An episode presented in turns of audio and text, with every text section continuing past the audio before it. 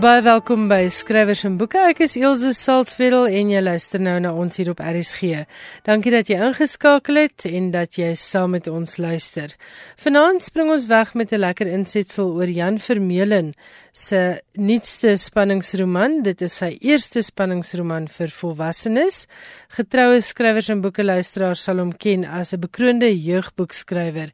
En in die tweede helfte van vanaand se program gesels ek met Pieter Louw Meiburg, die skrywer van 'n baie baie onthullende nuwe fiksieboek The Republic of Gupta. En ons gaan nie politiek praat nie, maar ons gaan praat oor die skryf van nuwe fiksie, die uitdagings, die prosesse en al die interessante dinge daaromheen. En natuurlik is Johan Meiburg ook later by ons in die ateljee. Maar omdat ons program vanaand 'n bietjie korter is weens die sokker, Kom ons hoor onmiddellik wat het Jan Vermeulen te sê. Die veelbekroonde jeugromanskrywer Jan Vermeulen was einde verlede jaar by my in die skrywers en boeke ateljee en het ons gesels oor sy jongste jeugroman Soen wat toepas met 'n Sanlamprys vir jeuglektuur bekroon is. Jan het toe vertel dat hy werk aan 'n spanningsroman vir volwassenes en daardie boek met die titel Die 5de Aspoester het pas by Lapa Uitgewers verskyn. Ek gaan nou met Jan gesels oor die 5de Aspoester, maar net gou-gou so 'n bietjie agtergrond oor hom. Jan is reeds bekroon met twee Sandampryse vir jeuglektuur, die MER en Skepersprys vir jeuglektuur, 'n ATKV kinderboektoekenning waarvoor die kinders self stem, twee benoemings vir die gesogte internasionale IBI erelys vir jeuglektuur en 'n plek op die kortlys van die Eugene Maree Prys. Sy jeugroman Asem is in 2016 aangewys as die wenner van Lapa se jeugroman kompetisie en onlangs is aangekondig dat Jan weer die Lapa jeugroman kompetisie gewen het met 'n roman wat later vanjaar gaan verskyn. Ek gesels nou met Jan Vermeulen oor die 5de Aspoester. Jan baie geluk met die 5de Aspoester. Ek het heerlik daarin gelees. Baie baie dankie. Dit was vir my nogal 'n verrassing om te sien hoe vernuftig jy is met die skep van 'n heeltemal ander soortige spanningsroman. Vertel vir die luisteraars kortliks waaroor gaan uh die 5de aspoester natuurlik nou sonder om die geheim weg te gee. Ons wil hê hulle moet die boek ja, koop. Ja. ja. Nee, dit was vir myself 'n soort van 'n verrassing. Dit was 'n verskriklike groot uitdaging juis om hierdie tipe van spanningsroman te skryf. Van kinderdae af was dit maar altyd aangetrek deur deur uh, misdaadverhale, spanningsverhale. Ek dink jy laas gesê byvoorbeeld 'n ou wat 'n groot invloed daai het op my gehad was so C.F. Beyers Boshoff wat nou liefdesverhale en jeugverhale geskryf het, maar ook hierdie spanningsverhale so dit het my 'n sterk aantrekking en ag ek was hierdie begeerte in my daar's 'n storie om vertel te word. Uh, en as as so 'n storie weer kom aanklop dan kan jy nie vir hom nee sê nie. So dit was nie 'n beplande ding in die sin wat ek wil dit nog doen nie. Dit is dis regtig waar hierdie storie wat by my kom aanklop maar in die 5de aspoester gaan dit oor hierdie uh, forensiese sielkundige uh, Olaf de Meyer wat die polisie altyd help wanneer daar nou veral reeksmoorde gepleeg word veral waar die slagoffers vrouens is want het hierdie hierdie hierdie baie baie sterk passie en roeping om vrouens te beskerm en vroumoordenaars aan te keer. In die in die boek sal 'n mens nou agterkom waar kom hierdie passie vandaan. So hy word dan ingeroep wanneer hierdie bizarre moord gepleeg word hierdie meisie gekry word uh in die montering van aspoester en baie baie wreed en bizar vermoor is en die polisie roep sy hulp in uh, om vir dit om ontleed. Jy weet wat gebeur hier. En dan terwyl hy met hierdie ontledings begin en vir begin werk dan uh, maak hy op 'n stadium telefonies kontak met die moordenaar en uit die gesprekke met hierdie moordenaar wat nou 'n uh, jy weet so elektronies vermomde stem is hy kan glad nie uitmaak wie dit is wat met hom praat nie. Uh, kom hy agter dat hierdie moordenaar eintlik op sy spoor is. Hy voel hy's dalk wraak wat hierdie moordenaar op hom kom neem oor iets wat in die verlede met hom of haar gebeur het. En hy self 'n dogter van 20 jaar oud op daai stadium en hy besef dan nou hy lê af uit die gesprekke hierdie moordenaar uiteindelik die versuur op hierdie kind van hom ook. So nou raak hy baie persoonlik betrokke behalwe dat hy die vrouens wil help om hierdie vreeslike moordenaar aan te keer. Uh, raak hy nou baie persoonlik betrokke want sy eie kind, sy eie enigste dogter, is ook nou in die versuur. So dit dit gee vir die storie so 'n bietjie van 'n ander uh, karakter as net jy weet 'n speer of 'n misdaad verhaal dit raak baie persoonlik. Goed, jy sê nou jy het van altyd af gehou van die idee van spanningsroman skryf. Dit was nie 'n vaste plan nie, maar dis iets wat jy graag gelees het. Wat was die vonk spesifiek vir hierdie storie? Want jy het 'n baie beslisste storielyn hier. Jy het baie goeie navorsing gedoen kan 'n mens sien oor reeksmoordenaars en motiewe en impulse en die goed wat mense motiveer om hierdie verskriklike misdade te pleeg. Was daar 'n spesifieke prikkel vir die 5de as poester? Is is nou weer een van daai vrae wat ek nou baie graag 'n definitiewe antwoord wil gee, uh, soos dat iets in die nuus het gebeur, uh, 'n meisie is op hierdie manier vermoor, maar maar daar was niks daarvan spesifiek nie. So waar ek aan die idee gekom het dat hierdie meisie soos aspoester aangetrek word, moet ek eerlikwaar of jy sê ek weet, regtig nie. Dit is is is deel van daai deel van die proses. Daai magiese um, stem wat kom aanmeld met 'n verhaal. Absoluut, absoluut. Ja, dit dit is dit is dis absoluut in in my het hierdie hierdie tog hierdie ons sê hierdie liefde, hierdie neiging, hierdie aantrekking vir misdaad veral veral rondom uh, uh, jeugmoordenaars, ag uh, uh, uh, um reeksmoorde ja. Uh, uh, ja is is daai geheimenis daar agter hoe kry enige mens dit reg om moord na moord na moord op so 'n spesifieke manier te pleeg en aan te gaan met sy of haar lewe? Wat is dit in so 'n persoon wat vir hom of haar dryf is, is dit nou maar net 'n 'n ding dat daar iets met hulle weet 'n breinbesering wat aanleiding gegee daartoe dat hierdie hierdie persoon nou misdadig of gewelddadig geword het is die een nou maar net 'n psigopaat is dit nou maar net lekker om om om te vermoor. Dus so ek het baie daaroor ook gelees om dit wat is dit regtig waar wat wat so 'n persoon sal aanvuur en dat die een daarmee kan saamleef om moord na moord na moord te pleeg. Uh so, so dit gaan dit gaan nou wel oor die moorde en alles maar dit gaan oor oor die siege van enige mens wat keer op keer op keer op keer iets aanvang, iemand benadeel, iemand seermaak. Ons maak mekaar dood met met woorde. Hmm. met uh, dade teenoor mekaar sonder mekaar fisies dood te maak. So hierdie geneigtheid in iemand en wat wat daai persoon wat aanhou om dit te doen. So so dit is vir my is my die groot vraag wat in my hart lê in al die reeks moordverhale wat ek gelees het flieks wat ek gesien het soek ek altyd wat is dit regtig binne in hierdie mens wat vir hom so ver kry? So so ek ek ek, ek wil nie graag die reeksmoordenaar as 'n skurk uitbeeld as 'n gewetenlose nie. Sy dade of haar dade sy dade kan so wees maar ergens binne in daai mens moet daar iets sit. So dis daai vraag. Dit is hoekom my my hoofkarakter nie 'n speurder is nie maar 'n sielkundige gaan. Het dit iets te doen met die feit dat jy 'n predikant is wat ook berading doen en wat uit die aard van jou werk ook in iets soos die sielkunde belangstel? So dit was my vraag wat jy nou so half geantwoord ja, het. Ja ja ja. Ek ek glo ek glo nogal so.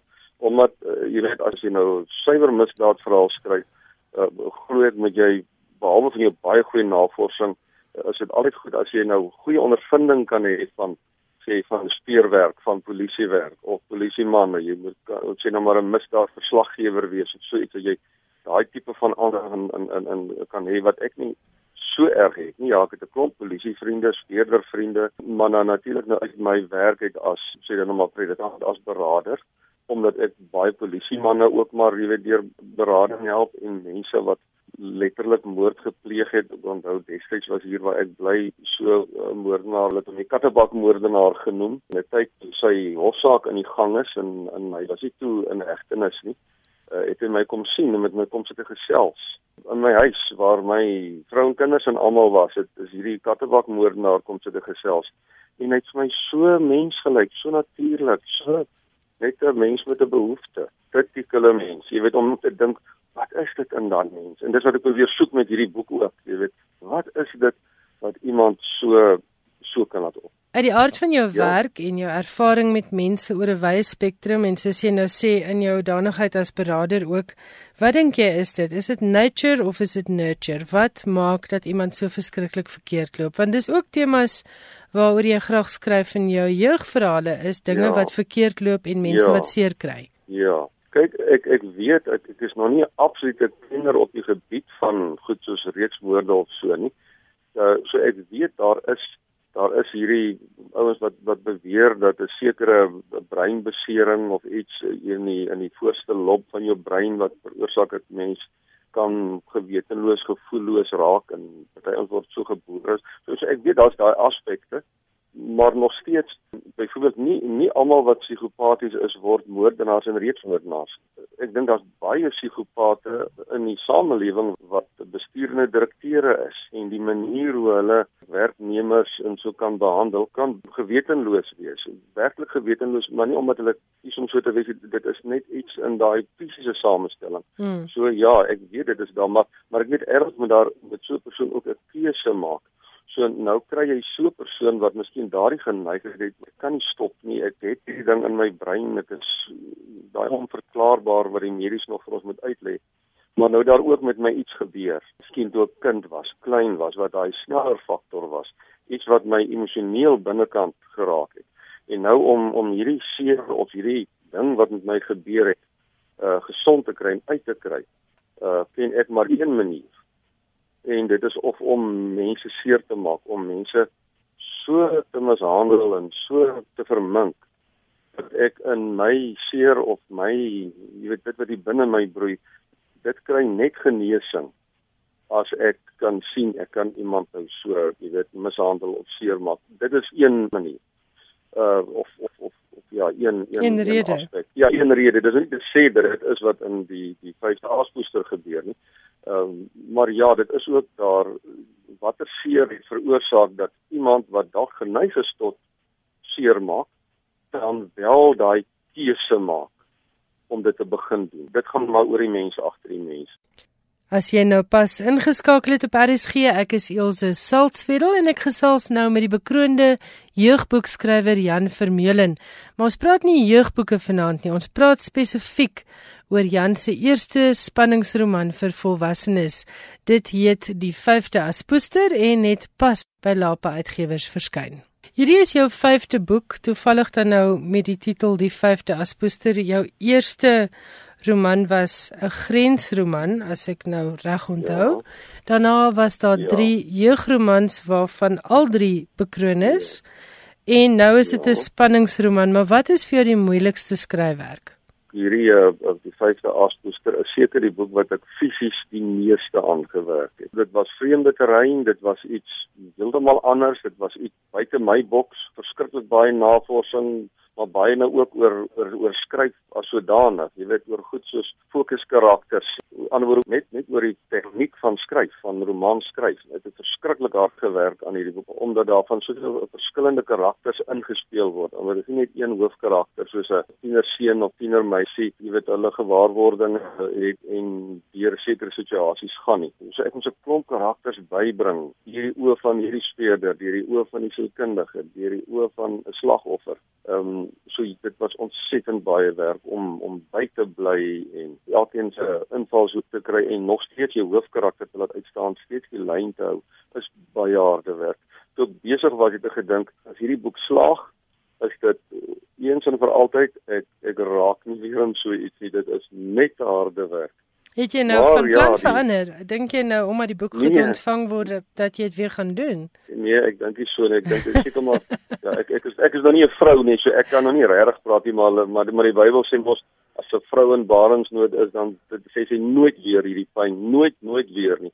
Tot die babatjie in die arms lê, sê hulle en dan daai vreugde wat jy het dan dan uh, kan jy dalk dit dalk weer oorweeg. So nou dat ek deur die pyn is aan die kant uit is, ja, die die die uitgewers het in elk geval gesê 'n deel van die deal is jy moet onmiddellik begin skryf aan 'n nuwe een. So wat ek nou gedoen het, ek is nou ek is nou so eentjie weg met hom en hulle het my nou die dag gevra, hoorie, hoe vorder jy? Is jy besig met hom? Ons wil hom graag volgende jaar hierdie tyd uitgee.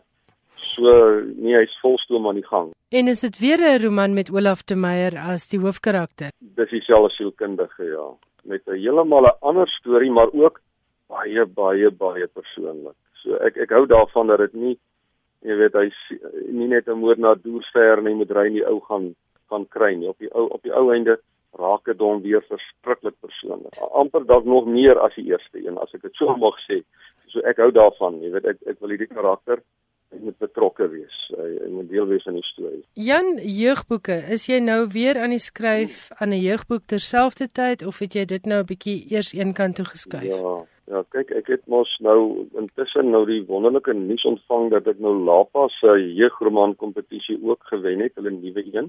O ja, natuurlik. Ek het nou vir 'n oomblik daarvan vergeet. Ja, die boek, die boek verskyn nou in September, Oktober uh, uh sal hy nou in druk wees. So wat ek nou gedoen het, nou hierdie laaste tyd, ons is nou besig, jy weet met die uh, uh skaal van die boek en foute regmaak en vers klaar kry. So ek is met hom besig om hom om hom mooi af te rond sodat hy perfek kan wees.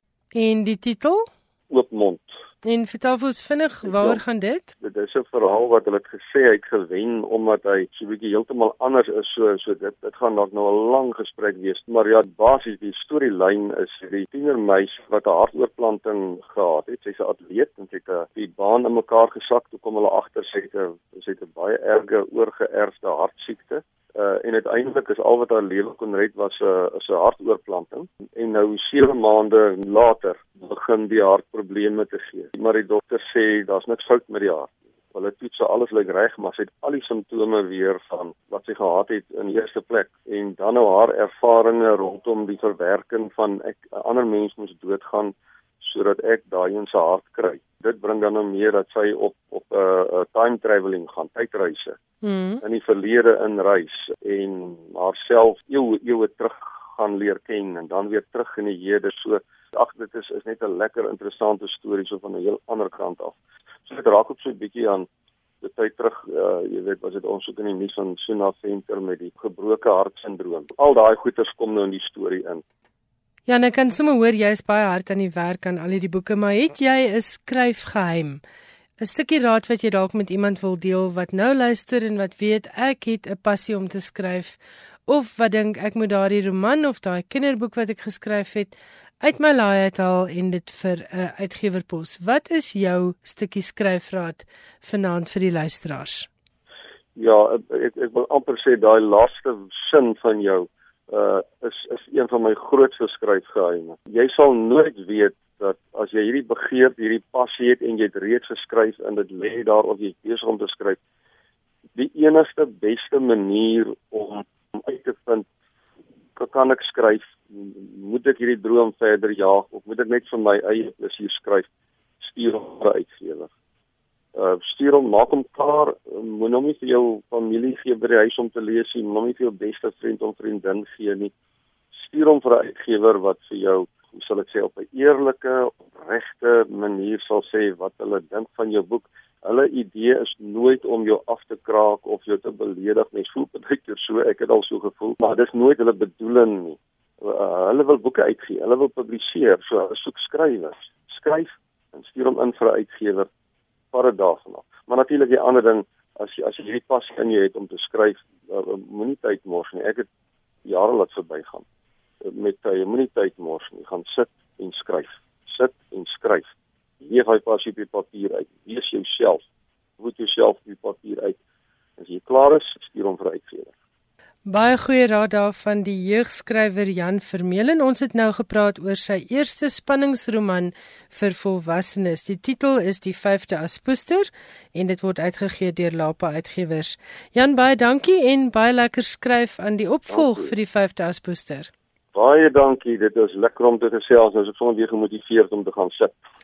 baie baie dankie. Nou ja, Jan Vermeulen se belydenis dat die 5de aspoester vir hom nog 'n uitdaging was om te skryf, het my laat dink aan die skrywer Thomas Mann se woorde. Hy het gesê, "A writer is someone for whom writing is more difficult than it is for other people." En ek dink dit het natuurlik alles te doen met die feit dat 'n skrywer nie sy lesers wil teleurstel nie, maar natuurlik veral nie homself wil teleurstel nie. Skrywers en boeke Alles wat jy oor die boekewêreld wil weet en meer. Nou is dit tyd vir die beloofde nuwe fiksie gesprek en hartlike welkom aan Pieter Louw Meiburg wat by my in die ateljee is. Baie welkom. Dankie en goeienaand vir die luisteraars. Jy het 'n boek geskryf wat werklik waar die waters geroer het, The Republic of Gupta. En dit het eers begin. Dit is 'n baie onthullende boek gewees oor al die korrupsie waarin die Guptas betrokke was. En eintlik die boek dink ek wat staatskaping oopgevlek het vir Jan publiek. So vertel vir my waar die idee daarvoor vandaan gekom. Ja, weet jy, ag en daai stadium Ilse, dit was so hier um einde 2015 toe ek die idee begin kry om 'n boek oor die Guptas te skryf en in daardie stadium was die Gupta familie al tot 'n redelike beperkte mate op die soort van of die politieke radar gewees in Suid-Afrika of op die nuusradar oor die algemeen. Jy weet ons weet van die 2013 Waterkloof landing en daar was so een of twee skandale hier en daar maar hulle het dit eintlik al relatief reg gekry om om om 'n klein bietjie onder die radar te wees. Jy weet dinge het nog nie regtig so ontplof um soos wat dit later sou ontplof rondom hulle nie. So toe ek begin skryf in, in 2015 aan die boek, jy weet die die idee was maar net om te begin kyk na hierdie familie, jy weet en en dit in boekvorm uit te pak hoe een gesin dit reg kry, jy weet om soveel politieke mag in hierdie land te gryp. Jy weet die die aanduidings was toe reeds daar. Ek bedoel die Waterkloof landing het vir ons gewys dat hulle toegang gehad tot president Jacob Zuma se kantoor. So ek het dit net geag, jy weet as 'n as 'n verhaal wat in boekvorm uitgepak moet word om dalk ook jy weet 'n historiese doel te dien, jy weet dat mense in die, in die toekoms weet hoe hierdie tipe staatskapingsprojekte werk en so. Maar was dit jou nuusneus gewees wat jou laat besef het hier is iets aan die gang. Ek moet 'n oog op hierdie storie hou. Ek ek glo sê, jy weet ek ek het voor dit het ek 'n bietjie gewerk aan um kwessies wat mense ook onder die staatskapingsvandel maak en gooi. Jy weet die tipe goed wat by Prasa gebeur het. Weet ek het natuurlik by rapport geskryf oor die die hoë treine en van die finansiële, jy weet, implikasies van daai kontrakte en geld wat ge, ge, gevloei het na plekke toe en sulke tipe dinge. Jy weet, so ek dink daar's daar's baie parallelle om te trek tussen jy weet hoe die staatskaping by Prasa gewerk het en hoe iemand soos die Guptas of jy weet 'n entiteit of 'n bereiksmaatskappy soos die van die Guptas hulle staatskapingsprojekte uitvoer en so. En jy weet dis absoluut jy weet mense mense het hierdie aanduidings van staatskaping en hulle korrupsie wat jy oorlees nou en dan op daardie punt, jy weet almal Mogane het al 'n bietjie oor hulle gewerk en so. Maar jy weet absoluut ek het ek het gedink daar is um, definitief meer tot die storie en dit sou eintlik net regtig, jy weet in in boekformaat en in lang vorm, um, hulle noem dit mos die non-fiction narrative, jy weet mm. investigative style. Net half beskou as die die ideale um jy weet die die ideale platform om hierdie ongelooflike storie van die Gupta familie uit te pak. Pieter Louw Meiberg, jou boek The Republic of Gupta het verskyn lank voordat staatskaping of state capture 'n hitsmerk geword het op sosiale media, maar tog na Tuli Madonsela se verslag oor die staatskaping hoe hoe het jy dit geïnkorporeer in jou boek? Jy weet, so ek het ek het begin met my navorsing in einde 2015 en toe het Tuli Maronsela nog nog lustig voortgewerk aan haar verslag. Um mm -hmm. So haar verslag het eintlik um jy weet redelik na die einde van my boek se kant toe het dit die die um openbare domein getref en dit het my daarom ook die geleentheid gegee om haar verslag ook te inkorporeer in die boek en 'n ja. bietjie uit te pak en 'n bietjie bietjie verder ook na te kyk en so. Um so daar was in dit was in daardie sin nogals 'n uh, uitdagende maar ook lekker boek om aan te werk, jy weet wat terwyl ek aan hierdie kwessies gewerk het wat nog nie regtig in die media domein uitgespeel het nie. Um jy weet wat ek spesifiek, jy weet in die boek op my eie navorsing ontbloot het en so was daar ook al, al hierdie ander gebeure wat rondom die gesin gebreek het. Jy weet ek was hier Maart 2016 het al die jy weet die groot stories rondom BBC Jonas se besoek aan Saxon World en Fakie Mentor se besoek aan Saxon World en daai jy weet um verbuister verbuisterende um aanbiedinge wat die Guptas aan hulle gemaak het om om lede van president Jacob Zuma se kabinet te word en so. Toe daai nuus stories ook begin breek, so ek moes die hele tyd hierdie hierdie twee goed amper so half um jy weet balanseer aan die een kant die die stories wat mens nooit reg van sou uitgevind het nie as dit nie um, was vir weet baie nougesette navorsingsgebaseerde ondersoekwerk nie. En dan ook om om hierdie goed te inkorporeer die goed wat op die um, koerant voorblaaie uitgespeel het um, veral deur uh, 2016 So jou boek het toe nou ek dink vroeg verlede jaar uitgekom 2017. Hy het die rakke in Maart 2017 ja, getref. Ja, ja dis reg, ja. En dit was eintlik goeie tydsberekening alhoewel jy dit nou nie vooruit kon geweet het nie want toe begin mense vir die eerste keer besef staatskaping is aan die gebeur. Het jy baie teenstand gekry toe jou boek verskyn het? Weet jy ja, um, daar daar da sal altyd teenstand wees. Jy weet veral as jy begin um en dis maar iets wat jy ervaar ook in 'n in jou normale koers as 'n ondersoekende joernalis amper. Net as jy hierdie staatsdepartemente en hulle die die die um sakemanne en staatskapers wat by daai departemente baat vind.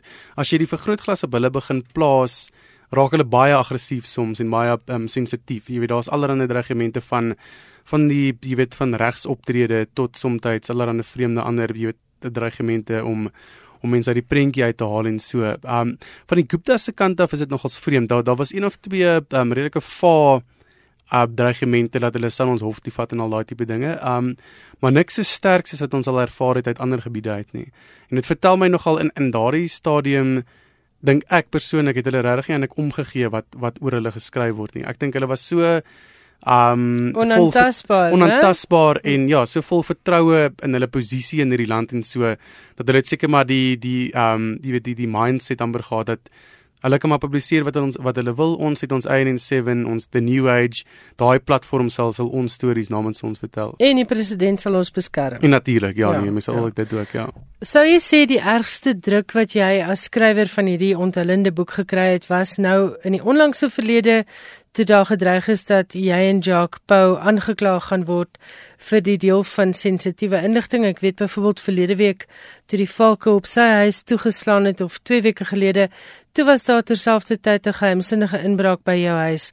Was dit die ergste druk of was daar ander dreigemente, doodstrygemente dalk of iets anders? Nee, kyk nee, daar het definitief al in die loop van my werk hier al, jy weet, vreemde goed gebeur. Ek dink een geval wat uitstaan is maar weet ek het ek het in 2015 of 2016 was dit nog die ondersoeke na Lucky Montana mm. en sy passasierspooragentskap van Suid-Afrika en daar's 'n reeks um, eiendomstransaksies wat nou verbind is aan kontrakte wat hy by Prasa aan aan um jy weet uh um verskaffers uitgedeel het En by een so voorval was ek by 'n eiendom wat wat jy weet alle aanduidings is dat dit is namens hom aangeskaf en opgeknap deur 'n prase kontrakteur.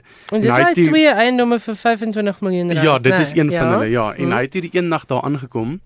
En ja, en eenvoudig my met 'n baksteen gegooi, my voertuig minstens.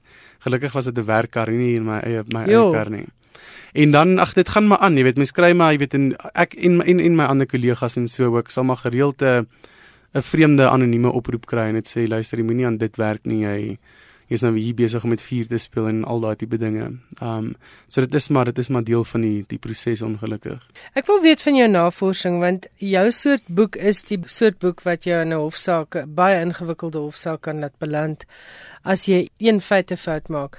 So watse um checks and balances, ek moet nou ongelukkig die Engelse term gebruik, is daar wanneer jy aan sulke navorsing werk en hoe werk jou navorsingsproses?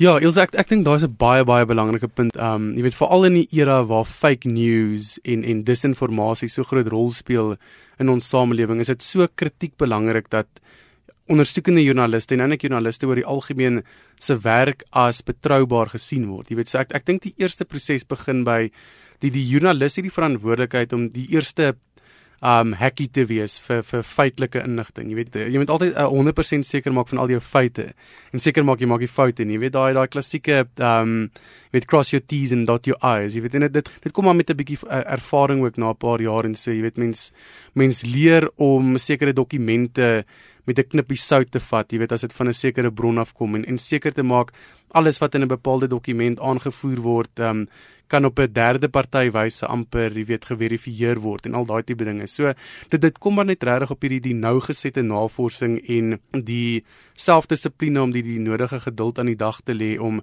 seker te maak elke liewe storie ongeag van hoe groot versoeking dit is om 'n 'n enorme scoop so vinnig as moontlik, jy weet, op 'n op 'n voorblad of op 'n nuuswebwerf te gooi om om eerder seker te maak dit is 100% feitelik akkuraat. Um dan 'n tweede baie belangrike deel van die proses is maar die um jy weet die die regspanne wat ons het om ons te help. Jy weet en daarom is met die uh die skryf van the Republic of Gupta, jy weet die die boek um nadat ek daarmee klaar is, gaan deur 'n 'n baie um met rigorous um regsproses waar hy deur 'n jy weet 'n 'n kenner van media reg gefyn kan word om seker te maak jy weet ons kan nie vir 'n um, laster mm, of so iets mm. gedagvaar nie gedagvaar word nie. Um so dit is maar 'n bietjie van 'n jy weet 'n proses wat wat wat uh, twee partye amper noodsaak. So mense het daarom ook daai daai valskerm, jy weet daai tweede hekkie, maar ek ek glo nog steeds die dit is dis die joernalis se verantwoordelikheid eerstens om die weet sy absolute of haar absolute beste doen om seker te maak al die feite kan kan gestaaf word. Hoe het die skryfproses gewerk want jy werk voltyds en jy's 'n baie bedrywige joernalis wat gedurig op iemand se spore is om 'n om 'n skandaal te ontbloot. Het jy nou maar saans en naweke gewerk of hoe het jy dit ingepas? Ja, dit dit was seker die uitdagendste deel van die hele proses amper is maar om daai daai tyd te bestuur het want ja, soos jy sê mens mense eie werk by, jy weet as 'n voltydse joernalis kan jy ook maar na ure besig hou. So ek het maar probeer om meeste van die tyd ek het 'n nuwe dagroetine en ek maar begin implementeer en dis maar om redelik vroeg op te staan. Hoe vroeg? Uh, soms dis 'n 4 uur soms 4 okay, uur kan. En dan 'n lekker sterk koppie koffie te maak en dan maar vir 'n paar uur dan die skryf te kom, um, Mm. voordat ek nou jy weet met uitry werk doen so. So nou ek ek vind tog al ek ek weet alle skrywers het jy weet verskillende style en verskillende tye van die dag wat hulle beter pas, maar ek ek moet nogal sê om om op te staan en onmiddellik te begin dit voel amper of mens daai daai clean slate, jy weet 'n skoon blaadjie het en mense gedagtes voel nogals vars en so. So En jou dit- energie is op sy hoogste punt, né? Ja, nee nee, absoluut. Jy weet, so dit dit is vir my lekker tyd van die dag om te skryf so so dou voor dag en dan andersins ook maar naweke het ek ook maar die ure ingesit. En hoe het dit gewerk? Het jy geskryf en nog steeds navorsing gedoen of het jy jou navorsing afgehandel tot op 'n punt en dan geskryf? Want ek Hmm. neem aan in jou geval is dit maar eh, iets van albei gel te gelykertyd. Ja, nee nee, nee verseker. Ek ag mens me sal nogal normaalweg. Dit is lekker veral as jy nou um meer werk aan 'n aan 'n aan 'n nuus storie wat jy wat in 'n koerant of in 'n 'n 'n webwerf ged- gedra gaan word. Dan is dit lekker om af die navorsing af te handel. Mens mens um uh compartmentalize dit amper so of daai dit is klaar en dan kan jy lekker jy weet werk daaraan om om dit op 'n op 'n verteerbare en vermaaklike manier aan die leser voor te lê en so. Dink by die boek is dit 'n klein bietjie anderster bloot omdat die volume van dit waarna Mm. mens kyk net soveel meer is. So mens ek ek het maar probeer om jy weet om om my fokus op op sy skerpste te hou. Het ek maar probeer amper om op 'n hoofstuk per hoofstuk wyse te werk om 'n bietjie navorsing vir 'n hoofstuk af te handel en dan jy weet die skryfwerk vir dit te doen en so, maar later dan veral die dinge nou uh, so warm en en bedrywe geword het op die nuusdomein met die Guptas en so val uh, tydens 2016 toe kom mens dit nie meer help om die die twee regtig te meng nie weet die navorsing en die die skrywery het toe maar 'n bietjie gemeng op op daardie stadium Ek dink iets wat voornemende skrywers altyd mee sukkel is wat om te los en wat om te skryf. En en ook hoe om binne 'n woordperk te skryf. Het jy raad? Het jy wenke vir sulke um, voornemende skrywers? Ja, nee, dit dit is uh, definitief iets waarmee ek ook nog sukkel, nee, verseker en ek dink daar's 'n 'n fyn kuns staan. Hulle praat mos altyd van mense pareltjies, jy weet 'n skrywer of 'n joernalis dink elke liewe woord wat hy skryf is 'n pareltjie, maar mens moet maar um mens moet maar leer om minder precious te wees oor oor daai woorde en ek dink ek dink altyd saaf het ons is geleer op op journalistiek skool, jy weet so hoe sal jy hierdie komplekse finansiële tender storie, jy weet sal, hoe sal jy dit verduidelik aan sê maar jou ouma of so, jy weet wat wat nie noodwendig um elke dag te doen het met hierdie tipe inligting nie en so. En ek dink dit daai soort van denkwyse help mense nogal redelik met die proses om jou jou woordtelling dan ook, jy weet, af te breek om dit so eenvoudig as moontlik te vertel en so. Pieter Louw Meiburg is ook bekroon met die Taku Kuiperprys vir ondersoekende journalistiek. As ek dit nou nie mis het nie, is dit die grootste prys vir uh, ondersoekende journalistiek. Wat sou jy sê is jou geheim vir jou sukses?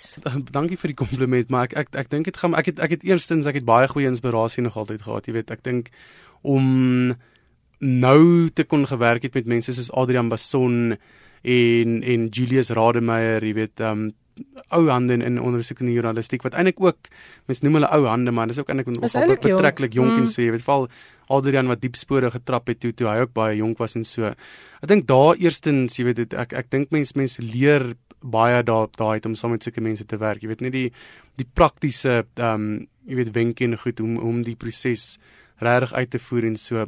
Dan my my sit van my persoonlike um, mantra amper oor oor ondersoek in die journalistiek is ek ek vra altyd vir myself al wat wat sal die impak wees van hierdie storie? Want ek dink die die ongelukkige feit van die saak is is dat ons kan nie na alles kyk nie. Jy weet jy jy sal weet hoe lyk 'n um 'n tip-off line of 'n inbox waar mense wenke kan gee vir stories. Jy weet daar daar is so baie korrupsie en wanpraktyke in in hierdie land dat ons moet maar soms jy weet kies wat ons kan doen en wat ons nie kan doen nie. So ek ek dink daar begin amper my, jy weet my my proses as 'n ondersoekende joernalis is maar die die kuratorskap amper wat jy uitvoer mm. om te besluit wat jy wil doen. Jy weet waar wil jy fokus? Ek wil af amper hê wanneer ek my tyd toewy aan 'n aan 'n ondersoek en of aan 'n spesifieke tema of storie so wil wil ek hê dit moet iets wees wat die jy weet die die nodige openbare belang boksie amper tik, jy weet mm, dit dit moet mm. iets wees waar daar's 'n vergryp of daar's 'n vermorsing van belastingbetalers se geld of iets is dit wat wat die owerhede nie van weet nie wat niemand van weet nie en as as jy nie gaan in jou tyd daarin wy nie, is dit iets wat nooit op die oppervlak gaan en nooit gaan verander gaan word en, en nooit gaan verander ja. word nie. Ja, so ek dink daai's maar van die van die die rigtinggewende amper jy weet eh, goed wat waarna ek myself probeer ehm um, ja toewy ja. Sal jy weer 'n boek skryf of dink jy dit is nou uit jou stelsel uit? Nee, nee, ek dink hoegenaamd nie. Ek wil definitief nog nog 'n hele paar skryf. Ja, ek dink die gogga het my gebyt. Dit is 'n bietjie van 'n uitdaging soos jy genoem het met die die voltydse werk en so, maar daar's definitief ehm, 'n um, paar nog op pad. Daar die die die saadjie is nou geplant. So. En ek glo skrywers is lesers. So vertel vir ons wat lees jy? Ek ek is 'n 'n baie um erratic leser. Ek ek is mal oor lees. Ek dink dit is enige joernalis wat regtig hoop om eendag, jy weet, iets in die bedryf te werk moet lees. Ek dink dit is so ingedrul by ons en gelukkig is ek ek was nog altyd lief vir lees gewees. Ek het van kleins af Roald Dahl en al daai mm. boeke verslind en so en nou op die oomblik Um soos ek sê omdat ek self 'n bietjie van 'n scatterminded leser is, is daar altyd hierdie boeke wat self gestrooi is mm. rondom my huis rond. Ek ek is nou besig om uh Herman Melville se Moby Dick te lees. Jy weet net self 'n klassiek wat ek wat ek weer herbesoek wat ek op hoërskool gelees het. En iets um, heel anders as jou werk, né? Ek dink ja, dis ook belangrik in jou geval. Ja, nee, absoluut. Jy weet hoewel ek ek ek lees graag kollegas se werk en jy mm. weet Adrian Mason en Pieter Toy se um Enemy Enemy of the People. Mm. Jock Bow se President's Keeper, jy weet ek het maar daai boeke in so um, ook gelees en so maar ja, nee, ek, ek dink is 'n goeie ding wat jy of 'n belangrike punt wat jy daar noem om om 'n bietjie uit te tree uit jou onmiddellike wêreld en ander dinge te lees. Ek ek is ook lief vir Dion Meyer se um se spanningsverhade. Dit, dit dit lees baie lekker en hy's hy's definitief 'n meester in in daardie genre. Um dan my my gunsteling fiksie skrywer op die oomblik wat wie se boeke ek nogals um deurwerk en 'n stinkspoed is John le Carré mm, met sy mm. met sy spionasie romans, jy weet um Smiley's People en Tinker Tailor Soldier Spy en al daai tipe dinge. Maar kan sien hoekom want daar's 'n bietjie politiek by betrokke. O ja, ja. Bietjie opstand teen die staat en 'n bietjie so dit pas ja, reg in jou kraal. Ja, van die spionering ja. en so, dit is dit is baie vermaaklik, ja. Pieter Louw Meiberg, dit was baie lekker om met jou te gesels. En luisteraars kan gerus The Republic of Gupta aanskaf. Ek dink nie ons gaan binnekort nie meer van staatskaping hoor nie dink daai term gaan nog lank met ons wees. Die ondersoek gaan nou maar begin daarna en dan gaan 'n hele paar hofsaake wees. So as jy wil weet hoe die vurk in die hef steek, hierdie is 'n uitstekende boek wat 'n uh vir ons die begin van hierdie hele proses verduidelik en 'n redelike voelvlug oor staatskaping bied. Baie geluk daarmee en lekker skryf van al die volgende boeke. Dankie Elsje. Ek het gesels met Pieter Louw Meiburg oor sy boek The Republic of Gupta. Dit word uitgegee deur Penguin Random House en kos R260.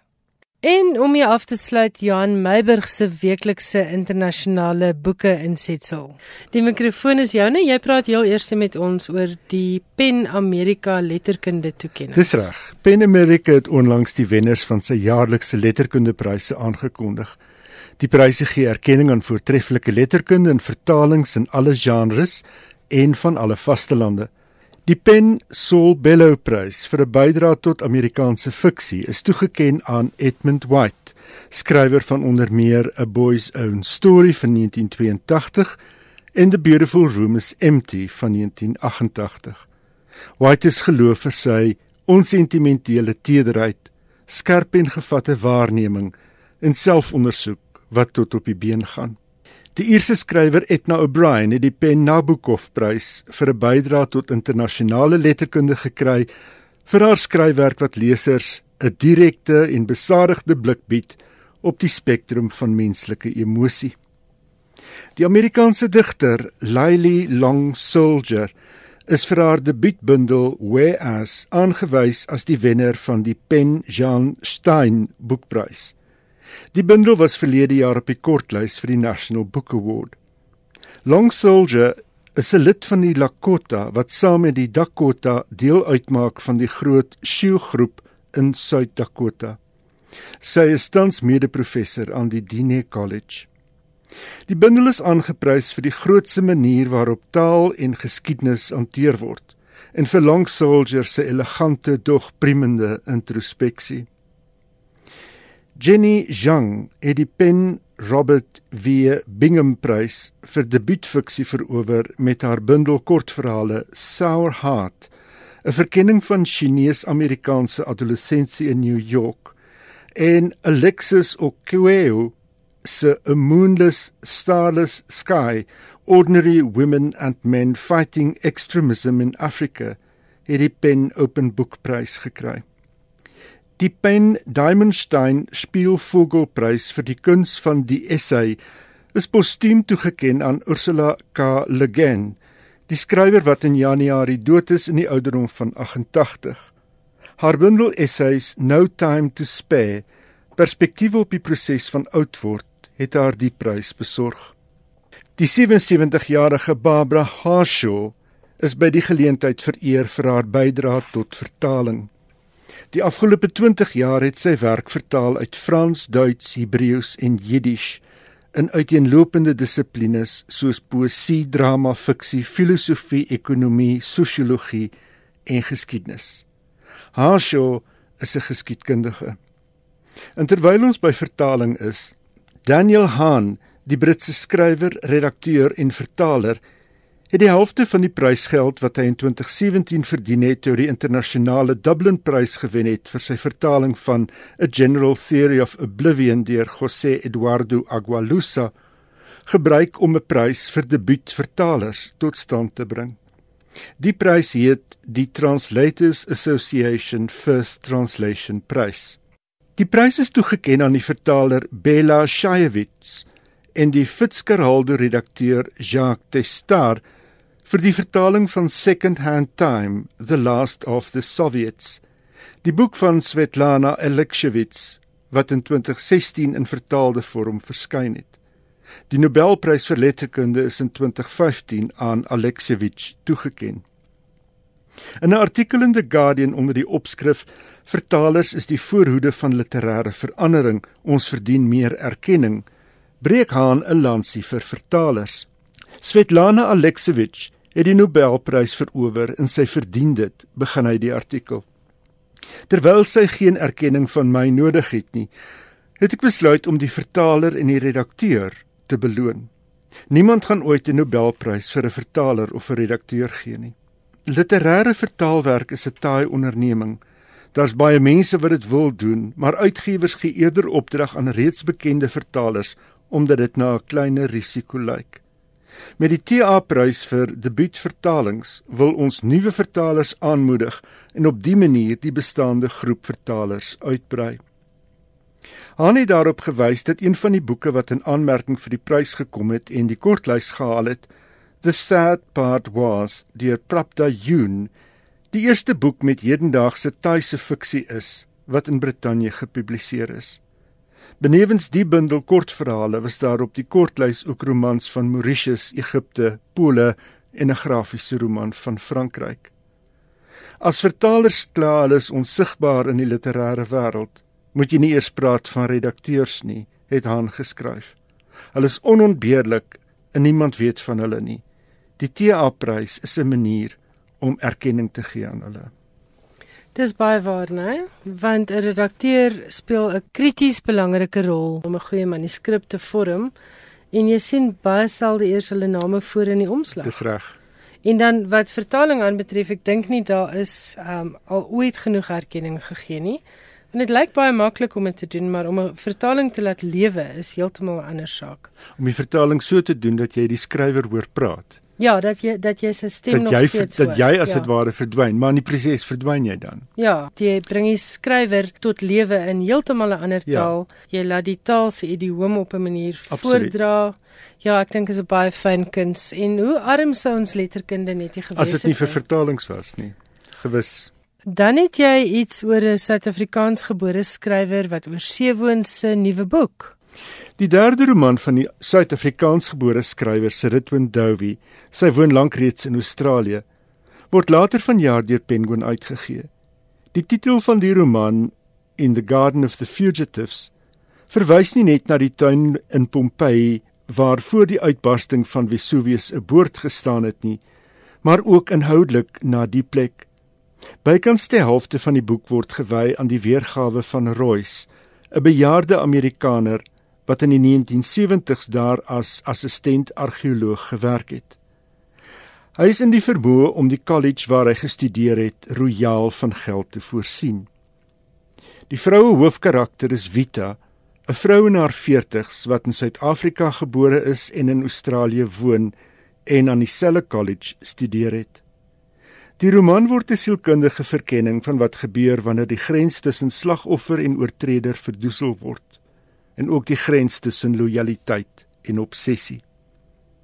Dovey se debuut Bloodkin was in 2007 op die kortlys vir die Dylan Thomas Prys en die volgende jaar op die kortlys vir die Statebond Prys vir die beste debuut uit Afrika. Bloodkin het sy opgevolg met Only the Animals 'n bundel kortverhale wat in 2014 bekroon is met onder meer die Readings New Australian Writing Award. In the Garden of Fugitives word uitgegee deur Penguin. En hier lees Ridwin Dovey voor uit haar debuut Bloodkin. His portraitist. He came every 2 months for sitting, always early in the day, usually on a Friday. when he still had something vital in his face from the week's effort, but a mellowness in his eyes from the knowledge that it was almost over. In the late spring, the fallen jacaranda blossoms lay luminous on the pavement outside at that time of day, and his assistant would scoop them up by the handful and strew them over the couch where he sat or lay or lounged for each portrait. Regal purple petals made him feel like a king. I always mixed my palette before he arrived. I knew the shade of his skin, the hue of his hair, the pinkness of the half moons in his nails. After he'd arrived and was seated, I'd adjust the colours slightly according to his mood. If it had been a bad week, his skin tone needed more yellow. If he was feeling benevolent, I added a daub of blue to the white for his eyes. He said having his picture painted was his only therapy. I would start with a charcoal sketch of his face. I was ruthless about detail and documented each new wrinkle or discoloration or sausage spot. But this is what he wanted. In his very first sitting, I flattered him on the canvas, and he threatened never to return. So the next time, I painted him as he was, and it pleased him. You would be surprised what can happen to a face in two months. One day I'll bind together all the surviving charcoal sketches and make a flip book that jolts single frames into action when thumbed quickly. The flip book's action will be the aging of the president. The oil portraits used to take me exactly six hours. He would decide on his pose, and when he'd settled into it, his assistant blotted his face oil with foundation, and on days when the president looked particularly tired, added some authority to his eyes with eyeliner. He had an, unca- he had an uncanny ability to sit still for hours. At the end of each session, before the paint had even dried, his assistant collected the portrait to hang next to the flag in Parliament, so that the portrait in Parliament was always the most current, and the outdated ones were distributed to dignitaries to hang in their homes. Dit was Seredwin Dovey wat voorgeles het uit haar debuutroman Bloodkin en Johan het vir ons vertel van haar derde roman In the Garden of Fugitives wat later vanjaar hier verskyn. Johan, baie lekker om met jou te gesels. Ons is dan volgende week hopelik weer terug hier in die skrywers en boeke. Baie dankie.